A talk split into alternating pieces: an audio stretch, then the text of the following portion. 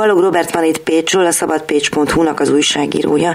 Egy furcsa Baranya megyei történettel ismertettünk meg, amiben, ha jól veszem ki, akkor eltűnt egy polgármester. Ha nem is tűnt el, de nem nyilatkozik, illetve vagy házon kívül van, vagy a telefonját nem veszi föl. Magyarul nem akar nyilatkozni. Ez versend, ez egy Baranya megyei község, 900 lakos környékén van, azt hiszem 897 volt utoljára. Kaptunk egy üzenetet, hogy a gyerekeknek az étkezése veszélyben van. És akkor hát ennek azért úgy utána jártunk, tehát nem árt azért ilyesminek utána járni, hogyha kapunk egy levelet szerkesztőségben, néha egy-egy köztársasági elnök is belébukik. Itt azért erről nincsen szó, de kiderült, hogy ez egy régóta húzódó ügy. A versendi polgármestert többször elítélték, legutoljára tavaly nyáron, mert a községnek a kasszájából 4,5 millió forintot a sajátjának tekintett. Magyarul, hát ezt talán sikasztásnak lehet nevezni.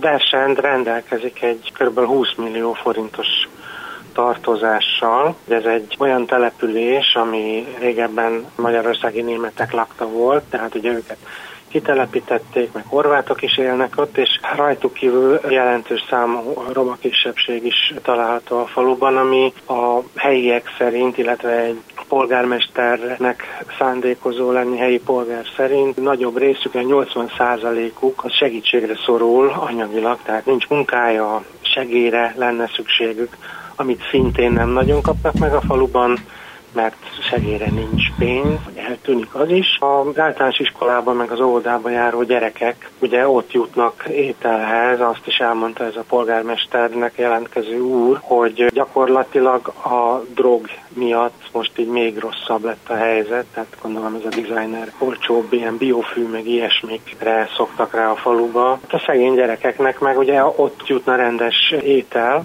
ami ingyen járna nekik, állami támogatással és a község hozzájárulásával együtt, de nem fizették ki egy szintén baranyai faluban lévő önkormányzati konyhának, oda 20 millió forint tartozásuk van, akik természetesen meg egy idő után nem szállítanak, így előfordult olyan is, hogy egy fél kifli, vagy egy fél alma volt nagyjából a gyerekek ebédje. És most?